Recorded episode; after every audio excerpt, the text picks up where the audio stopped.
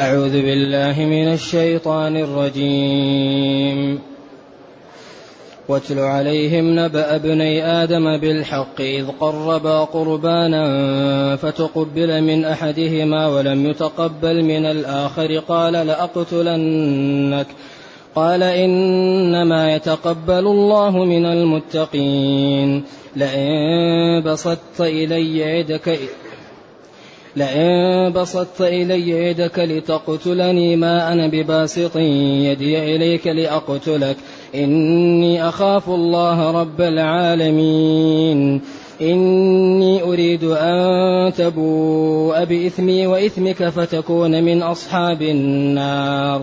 وذلك جزاء الظالمين. فطوعت له نفسه قتل أخيه فقتله فأصبح من الخاسرين.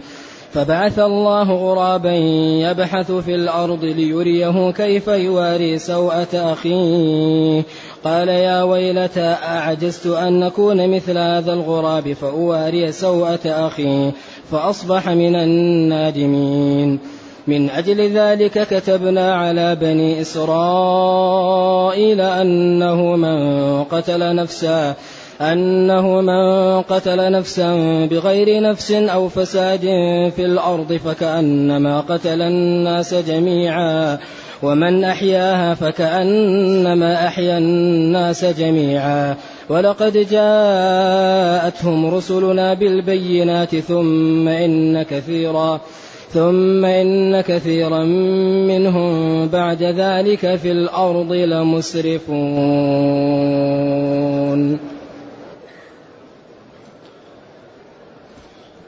الحمد لله الحمد لله الذي أنزل إلينا أشمل الكتاب وأرسل إلينا أفضل الرسل. وجعلنا خير أمة أخرجت للناس. فله الحمد وله الشكر على هذه النعم العظيمة والآلاء الجسيمة. والصلاة والسلام على خير خلق الله وعلى آله وأصحابه ومن اهتدى بهداه. أما بعد فإن الله تعالى يبين ما كانت عليه اليهود من المعاصي وعدم الامتثال ونقض العهود والإفساد. ثم يضرب المثل بمن انحرف قبلهم. فحال هؤلاء القوم الذين أمروا بالطاعة وعصوا ولم يستقيموا كحال ابني آدم. أيوه. الذي أمر بالطاعة على أصح التفاسير كما سيأتي. وهذا القصص الذي يتكرر في هذا الكتاب كثيرا المقصود منه الاعتبار. أن يعتبر الناس ولا يقعوا فيما وقع فيه هؤلاء ليهلكوا. وإن كانت قصص طيبة ليعتبر بها الناس ويسلكوا مسالك أولئك الذين نجوا. وفيها أيضا بيان لصدق النبي صلى الله عليه وسلم وأنه أمي لا يقرأ ولا يكتب فلو لم يكن رسولا لم يأتي بتفاصيل هذه الأمور التي حدثت قبل مبعثه بمئات السنين. وفيها تسلية للنبي صلى الله عليه وسلم وتثبيت لقلبه وأنه إن كذبه قومه فذلك عادة الأمم الكافرة تكذب قومها. فلا يكن في صدرك حرج ولا يكن لك ضيق. مما يقوم به هؤلاء فالله تعالى ناصرك وما حصل لك من التكذيب ومن يعني الوقوف ضد دعوتك حصل للرسل قبلك. إذا يقول جل وعلا يعني واتلوا عليهم نبأ ابني آدم بالحق. اتلوا اقرأ النبأ الخبر الذي له الشأن. اتلو تلا يتلو إذا قرأ. وحكى الشيء يعني تلاه إذا قرأه وذكره باللسان. والنبأ الخبر الذي له شأن. يقال جاءنا نبأ الجيش نبأ الأمير نبأ العالم. ولا يقال نبأ جاءنا نبأ الحجام ولا نبأ الجزار لا.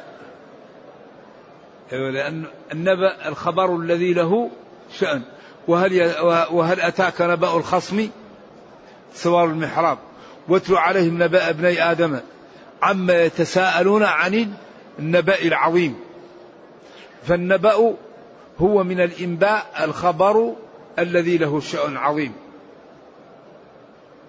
واتل يا نبي عليهم على الحضور أو على بني إسرائيل الذين بين ظهرانيك نبأ ابني آدم خبر وقصة ابني آدم وهي مصحوبة بالحق وليست كذب وإنما هو شيء واقعي بالحق. مثلها عليهم متلبسة بالحق لا كذب فيها ولا شيء. أما ما تقوله الإسرائيليات وما هو زائد على ما في نفس القصة فكثير منه لا يصح. لأنها يعني روايات إسرائيلية وأسانيدها أغلبها مجاهيل ولكن ما لم يأتي في شرعنا أنه كذب فلا نكذبه. وما لم يأتي في شرعنا أنه صدق فلا نصدقه. إذا الإسرائيليات منقسمة إلى ثلاثة أقسام. قسم عرف صدقه من القرآن. قسم عرف كذبه من القرآن والسنة. وقسم سكت عنه الوحي فهذا هو الذي ورد فيه وحدثوا عن بني إسرائيل ولا حرج. إذا حدثوا عن بني إسرائيل ولا حرج في المسائل التي لم ترد في كتابنا لا بتصديقها ولا بتكذيبها.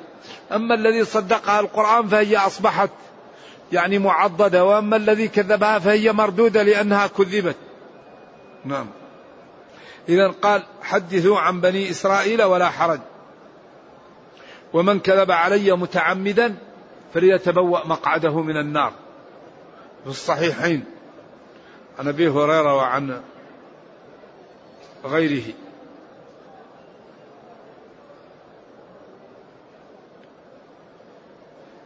إذ حين قربا التقريب هو العبادة. قرب.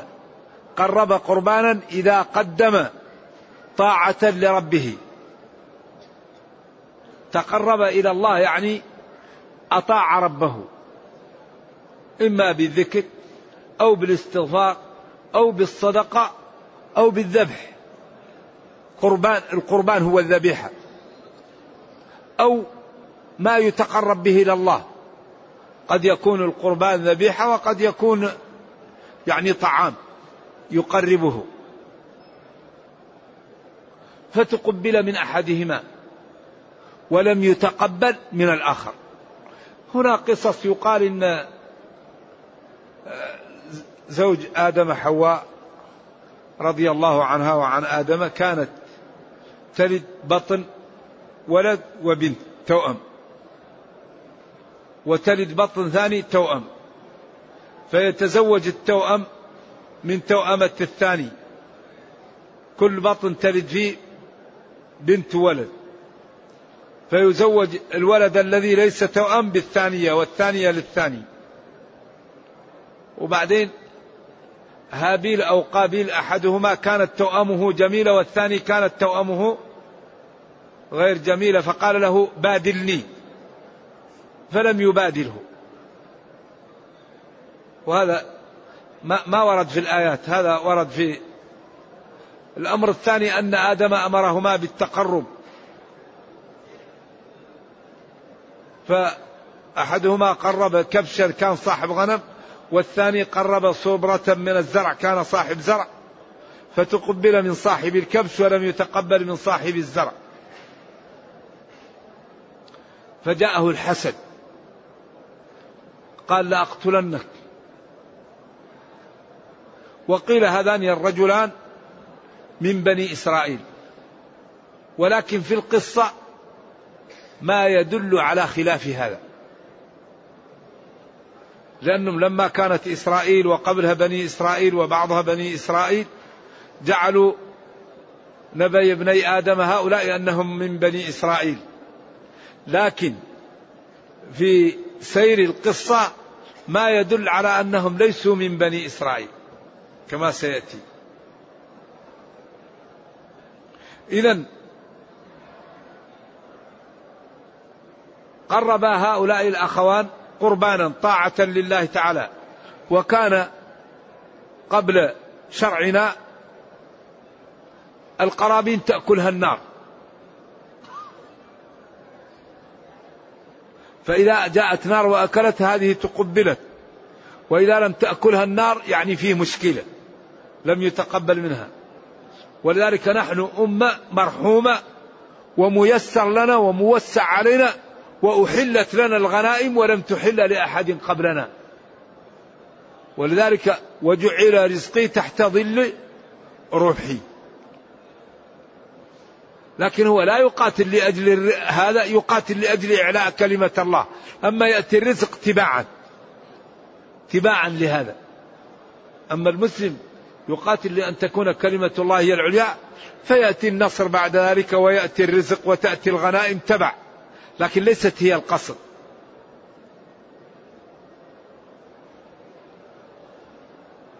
فجاءت النار وأكلت الكبس ولم تأكل صاحب الزرع. فغضب عليه وقال لأقتلنك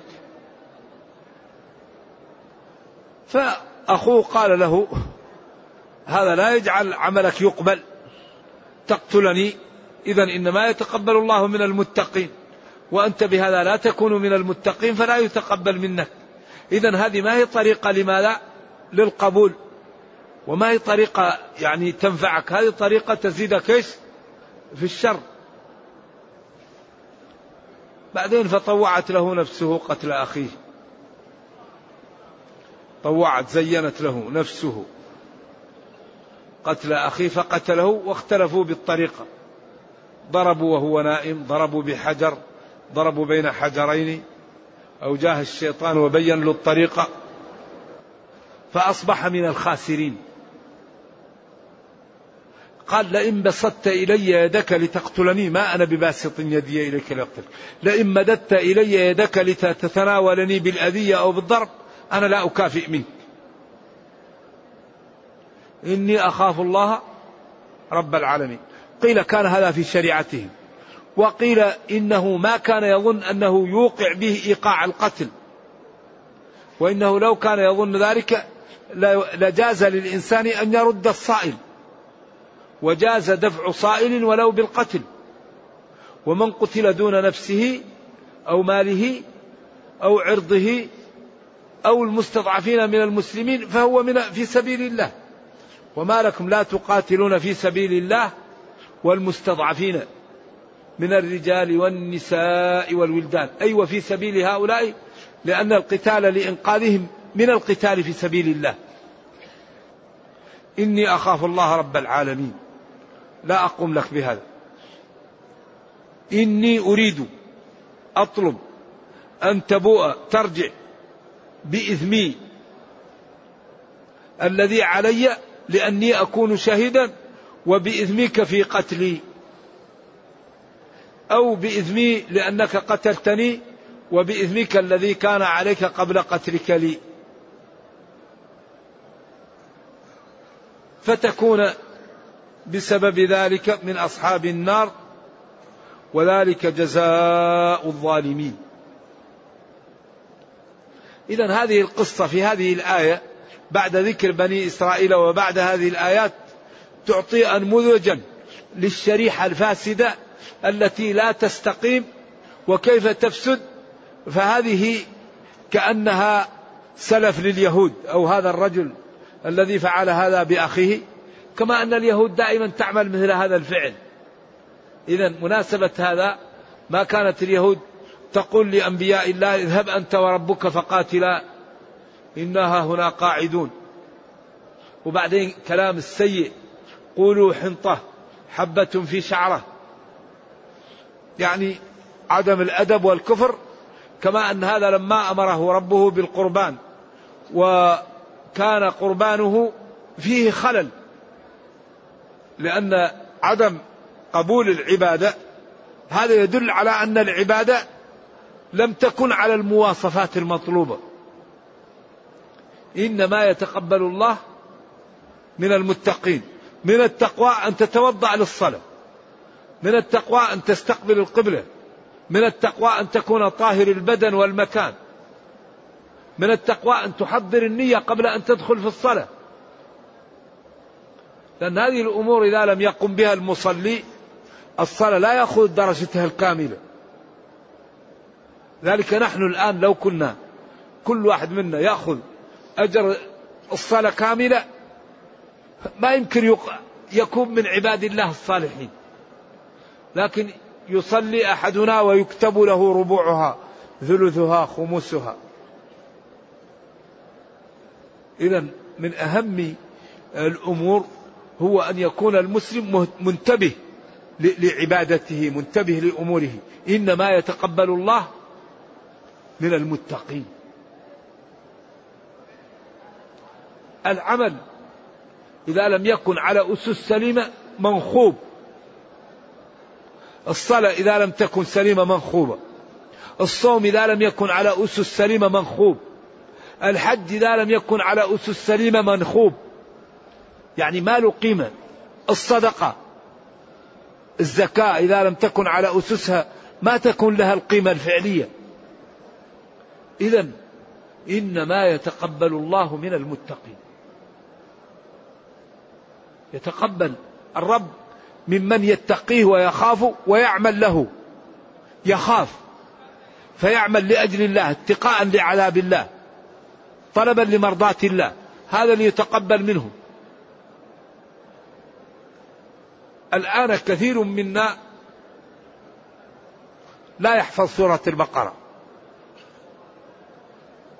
مسلم من متى يصلي هو؟ من سبع سنين وهو لا يهتم بكتاب الله. والصحابة يقول كان الرجل منا إذا حفظ سورة البقرة جد في أعيننا أي عظم في أعيننا. أغلب المسلمين لا يهتموا بالصلاة. الآن كثير من المسلمين لا يعرف مبطلات الصلاة. لا يعرف أركان الصلاة. لا يعرف شروط الصلاة. وهو يعملها في اليوم كم مرة؟ خمس مرات. وهذه الصلاة هي العهد. قال العهد الذي بيننا وبينهم الصلاة. إذا من أكبر أسباب تقوية الإيمان الاهتمام بالصلاة.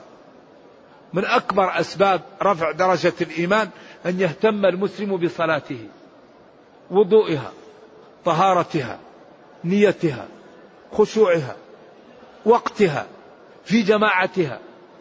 فإذا فعل ذلك بإذن الله تكون هي السبب في ارتفاعه في الخير.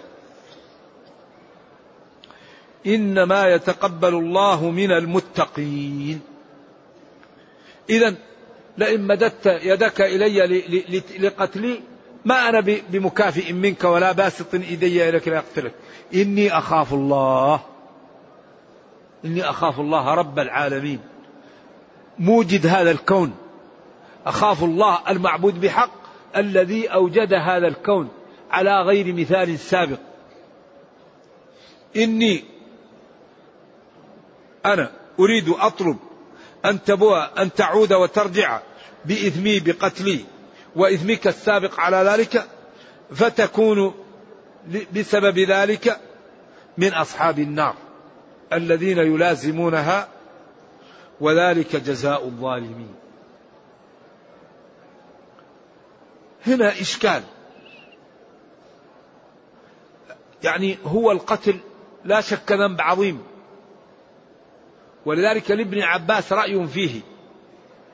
يقول لا يزال المسلم في فسحة في دينه ما لم يصب دما حرام. وقال والله ما نسخها شيء. آية النساء. ونزلت بعد آية إيش؟ آية الفرقان. ومن يقتل مؤمنا متعمدا فجزاؤه جهنم خالدا فيها. وغضب الله عليه ولعنه وأعد له عذابا عظيما. وهذا لا يكون إلا في الكفر. لذلك ابن عباس يقول إن الله لا يغفر أن يشرك به ولا من قتل نفسا مؤمنة ويغفر ما دون ذلك. لكن العلماء قالوا في الآية مقتضى أي فجزاؤه جهنم إن جازاه الله. وهذا اختيار ابن قدامة في المغني وهو الذي تدل عليه النصوص الأخرى من قال لا إله إلا الله دخل الجنة؟ فقال أبو ذر وإن زنى وإن سرق. قال وإن زنى وإن سرق. قال وإن زنى وإن سرق. قال وإن زنى وإن سرق. قال وإن زنى وإن سرق. قال على رغم أنف أبي ذر. وإن رغم أنف أبي ذر. فصار أبو ذر يقول وإن رغم أنف أبي ذر. فهذا الظاهر أنه مع, مع قتل أخيه كان عنده مشكلة أخرى. ما هو القتل بس أيوة التعنت وقتل أخيه والحسد وأمراض سببت له عياذا بالله هذا ويمكن بسبب ذلك خرج كفر. وذلك جزاء الجزاء هو ما يعطى على العمل الظالمين جمع ظالم والظلم أصله في لغة العرب وضع الشيء في غير موضعه. هذا أصل الظلم. وأصله في العربية أن تمخض المرأة شكوتها قبل أن يروب الحليب اللبن.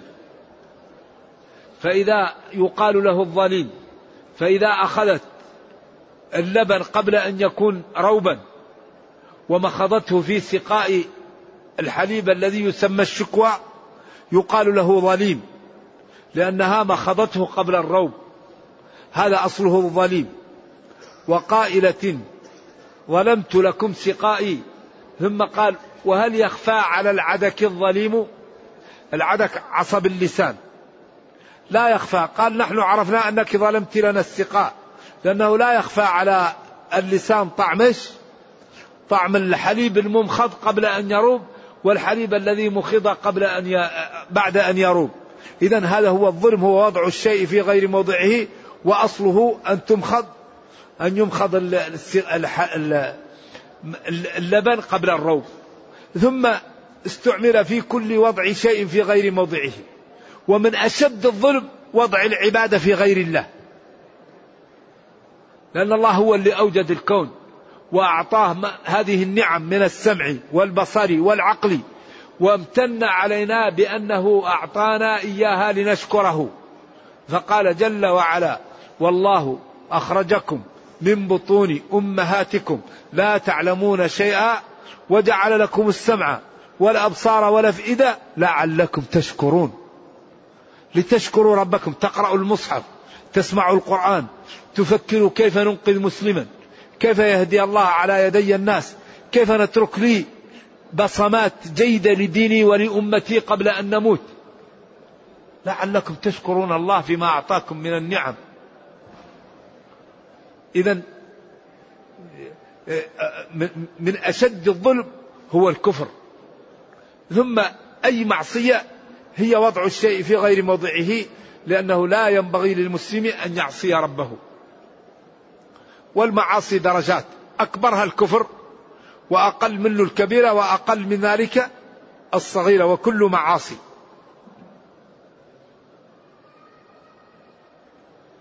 وذلك جزاء الظالمين الواضعين الأمور في غير موضعها فطوعت له نفسه. طوعت. يعني رضيت وزينت وسولت له لهذا أخوه قابل قتل أخيه هابيل. فقتله. فأصبح من الخاسرين الناقصين حظه. ومن أكبر ما يدعو الإنسان للإفساد نفسه. إن النفس لأمارة بالسوء وآفة العقل الهوى. وآفة العقل الهوى. فمن علا على هواه عقله فقد نجا. ونهى النفس عن الهوى. إذا هذه النفس إذا لم يكابدها الواحد ويأطرها على الحق أطر تجر إلى إلى إلى إيش؟ إلى المهالك والعطب. ذلك لا بد للمسلم أن يغرغم نفسه على الطاعة. يريد النوم يسمع حي على الصلاة. يقول لها لا قومي. يريد الصوم ولكن فإذا هو يريد أن يأكل ولا يتعب يقول له يقول لها لا لازم نصوم. يريد أن ينظر تريد أن تنظر فيقول لها لا. ربي قال غضوا قل للمؤمنين يغضوا. يريد أن يتكلم فيقول لها لا ربي قال لي ولا تقف ما ليس لك بعلم ولا يغتب بعضكم بعضا. إذا النفس إذا لم يمارس العاقل معها المكابدة تغلب عليه وإذا غلبت عليه تقود. الهوى هذا عجيب النفس.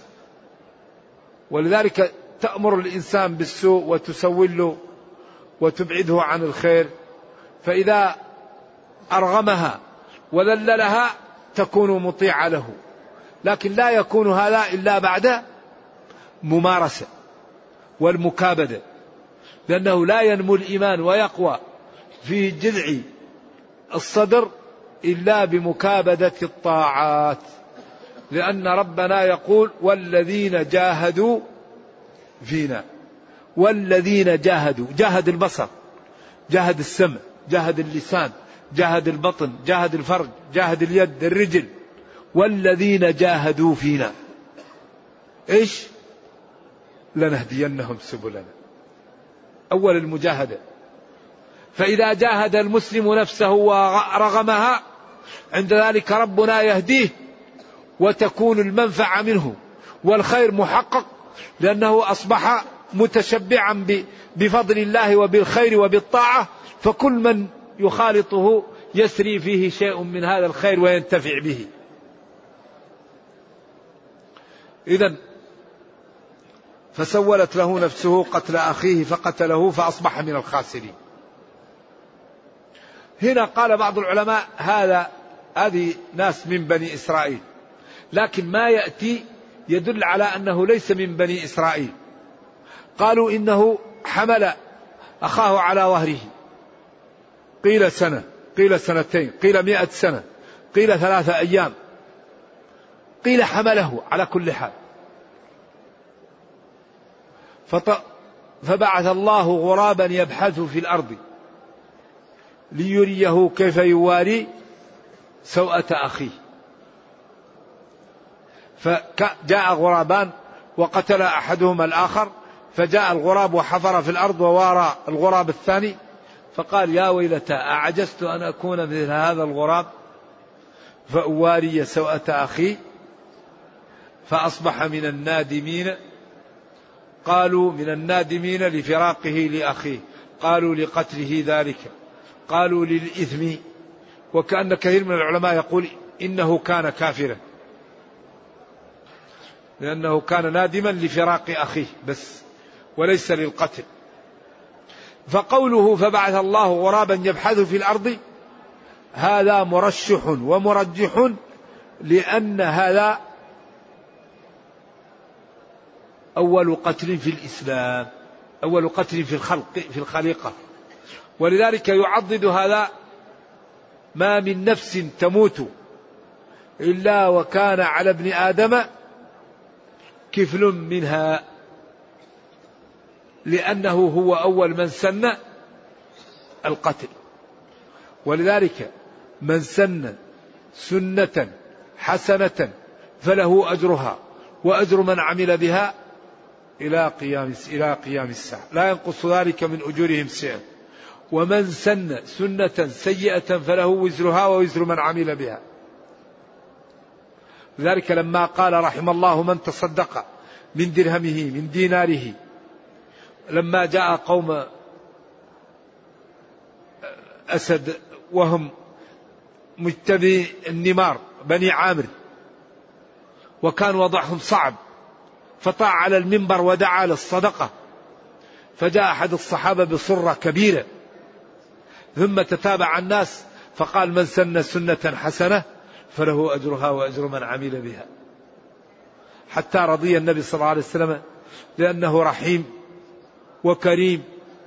وإذا رأى صاحب حاجة فلا بد أن يزيل حاجته. وإذا رأى صاحب يعني بلية فلا بد أن يرفع عنه ذلك بقدر ما يستطيع لأنه بالمؤمنين رؤوف رحيم ولأنه جبل على الفضائل جبل على الخير. نعم. ولا يريد أبدا إلا إلا الستر ولا يريد إلا الفضيلة. جاء أسارره وفرح وقال أما علمت ما قال المدلج المدججي أو المدلجي قال المجززي إن هذه الأقدام بعضها من بعض. يفرح بمثل هذا الكلام. لما جاءه الرجل وقال لو رأى رجل مع أهلي كره ذلك. وقال لو قلت نعم لوجبت وما استطعتم ذروني ما تركتكم. لما قال الحج في كل عام.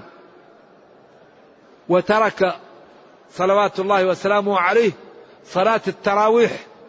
وقال أيها الناس إني رأيت مكانكم ولولا أني خشيت أن تفرض عليكم فصلوا في بيوتكم فصلوا في بيوتكم فإن صلاة المرء في بيته أفضل إلا المكتوبة. وجاء وشرب من زمزم ولم ينزع منه قال أخاف أن الناس إيش؟ يكون هذا السنة فيكون فيه مضايقة على الناس. صلوات الله وسلامه عليه. أيوه. فهنا يقول فأصبح من النادمين. لما فعل بأخيه أو لفراق أخيه أو لأنه وقع في المعصية. ثم قال جل وعلا من أجل ذلك. أي من أجل ذلك القتل كتبنا على بني إسرائيل وعلى غيرهم أنه من قتل نفسا معصومة بغير نفس أو عمل فسادا في الأرض فكأنما قتل الناس جميعا.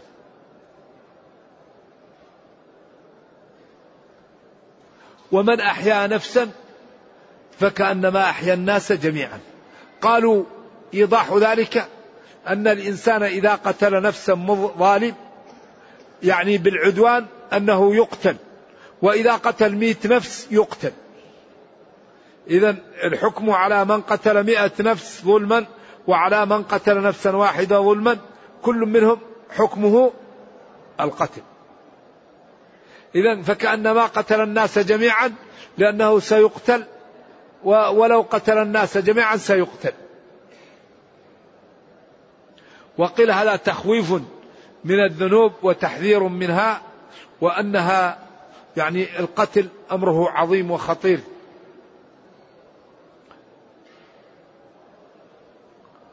ومن أحياها فكأنما أحيا الناس جميعا ولقد جاءتهم رسلنا بالبينات.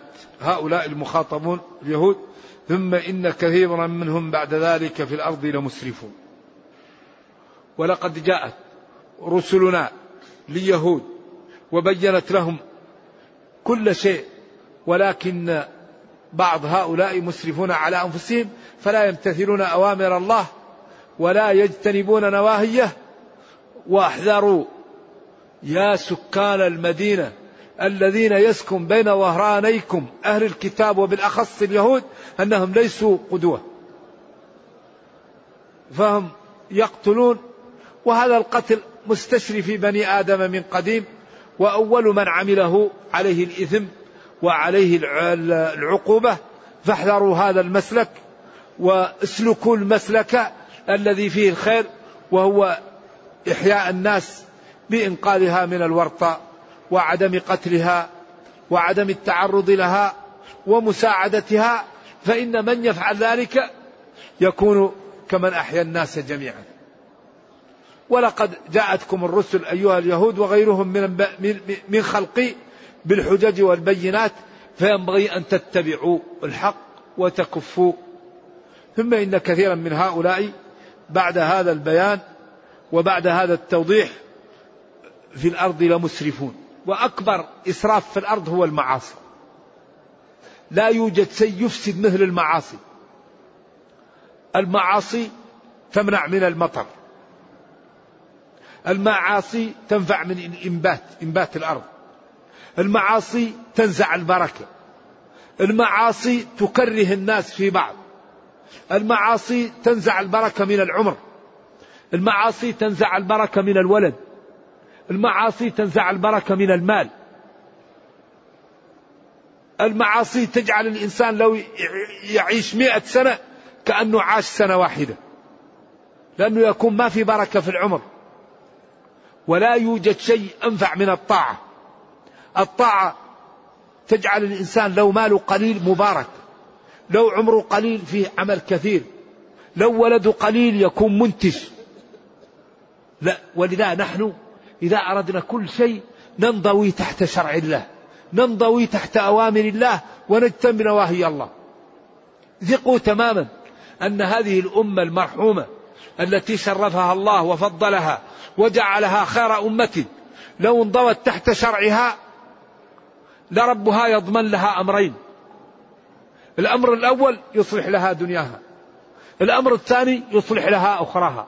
وأي شيء أعظم من صلاح الدنيا والأخرى. لكن لا بد من السير تحت ماذا تحت الشر. وكل وكل شيء واضح. الله بين لنا أمور وأمرنا بها ونهانا عن أمور ونحن لهذه الأوامر ولهذه النواهي. أصبحنا ما لا؟ أصبحت الأمة المسلمة أضعف من غيرها. الأمة المسلمة أقوى منها غيرها. لماذا؟ لماذا الأمة المسلمة ضعيفة؟ مليار وستمائة مليون يحجر عليه في المحافل. مليار أو مليارين الآن في المحافل يحجر على الأمة المسلمة. لماذا؟ لأنها لم تسلك مسالك العزة. العزة لها مسالك. القوة لها مسالك. ولا تنازعوا وأعدوا لهم. شوف هذا أمر وهذا نهي وهذا الأمر مع أوامر أخرى كثيرة وهذا النهي معه نواهي كثيرة. إذا أكبر ما يعوق الأمة هو عدم تمثل ما يراد منها. فإذا أردنا أن يزول عنا ما نحن فيه نتمثل ديننا. فإذا تمثلنا الدين الله يقول ولا ينصرن الله من ينصر. ولا ينصرن الله. اللام والنون القسم. والله لينصرن الله من ينصر. والله يقول إن الله لا يخلف الميعاد. ويقول إن تنصروا الله ينصركم. إذا نحن نريد أن أن أن ننتصر. ننضوي تحت كتاب ربنا. نهتم بالعلم. نهتم بالإبداع. نهتم بالإعداد. نهتم بالاتحاد. نهتم بالضعيف. ونقوم بالأمور الأوامر ننفذها والنواهي نتركها. وقليل الله يخوف أعداءنا منا. الله ينزل الملائكة والرياح ويدمر الأعداء كما دمرهم يوم الأحزاب. إذ جاءتكم جنود فأرسلنا عليهم ريحا وجنودا. إذا الذي ينصر بالرياح والملائكة ينبغي أن تنفذ أوامره وأن تجتنب نواهيه.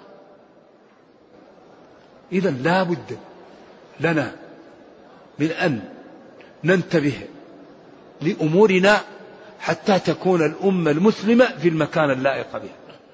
الله لا يطلب منا ما لا نستطيعه. قال وأعدوا لهم ما استطعتم. قال يا أيها الذين آمنوا اتقوا الله وكونوا مع الصادقين. قال إذا لقيتم فئة اثبتوا واذكروا الله. لأن الإسلام الانتصار له ركنان ركن مادي وركن معنوي. المادي الإعداد والمعنوي الاستقامة على الدين. إذا لقيتم فئة اثبتوا هذا الركن المادي. الركن المعنوي اذكروا الله. يوم أحد يوم يوم الأحزاب حفروا الخندق. هذا الركن المادي. ثم قالوا هذا ما وعدنا الله ورسوله وصدق الله ورسوله وما زادهم إيمانا وتسليما. هذا الركن المعنوي. إذا الأمة تنتصر بركنين أساسيين الإعداد الحسي والإعداد المعنوي وهو الاستقامة على الدين. فإذا قامت الأمة بهذا الله ينصرها. ينصرها يمكن بالملائكة يمكن بالرياح يمكن بالعاصين. يمكن بالمطر يمكن بالطير الأبابيل التي تأتي. لأن الله يقول ولا ينصرن الله من ينصره إذا ينبغي أن تهتم الأمة وتأتي البيوت من أبوابها نأتي الأمور من من بابه. فإذا جئنا للأمور من أبوابه بإذن الله تعالى نصل إلى المكان اللائق فينا. ونكون قدوة في الخير وقدوة في كل فضيلة ونكون سبب في إنقاذ أهل الأرض من الكفر والضلال. المسلمون لو استقاموا على الدين لدخل غير المسلمين في دين الله أفواجا. فعلى الأقل لا نحول بين الكفار وبين الإسلام بأخلاقنا. فكل واحد منا يتمثل الدين على قدر ما يستطيع فإننا إن فعلنا ذلك نفعنا ذلك ونفعنا غيرنا بالقدوة الحسنة. نرجو الله جل وعلا أن يرينا الحق حقا ويرزقنا اتباعه وأن يرينا الباطل باطلا ويرزقنا اجتنابه وأن لا يجعل الأمر ملتبسا علينا فنضل. اللهم ربنا أتنا في الدنيا حسنة وفي الآخرة حسنة وقنا عذاب النار. اللهم إنا نسألك الجنة ونعوذ بك من النار. اللهم إنا نسألك أن تحفظ المسلمين عامة وأن تحفظ هذا البلد خاصة. اللهم فرج عن إخواننا في غزة. اللهم فرج عن إخواننا في فلسطين. اللهم ارفع عنهم ما حل بهم من البلاء. اللهم إنهم في كرب وفي جوع وفي خوف وفي هلع. اللهم ارفع عنهم ما حل بهم. اللهم يا رافع السماوات بغير عمد ارفع عنهم ما حل بهم من البلاء. اللهم يا منزل التوراة والإنجيل والزبور والفرقان. أنزل عليهم رحمة من رحمتك. اللهم عليك باليهود الغاصبين. اللهم عليك بيهود المعتدين. اللهم إنهم لا يعجزونك. اللهم أرنا فيهم عجائب عدلك. اللهم إنا نسألك أن تنتقم من اليهود. اللهم انتقم من اليهود. يا منتقم. اللهم انتقم لنا من اليهود. اللهم اشف صدور قوم مؤمنين من اليهود. اللهم إنك تعلم ما فعلوا. اللهم ارفع عن المسلمين ضر اليهود. اللهم إنا نسألك أن تتوب علينا. اللهم ارحم ضعفنا. اللهم تجاوز عن سيئاتنا. اللهم لا تؤاخذنا بذنوبنا. سبحان ربك رب العزة عما يصفون. وسلام على المرسلين. والحمد لله رب العالمين. والسلام عليكم ورحمة الله وبركاته.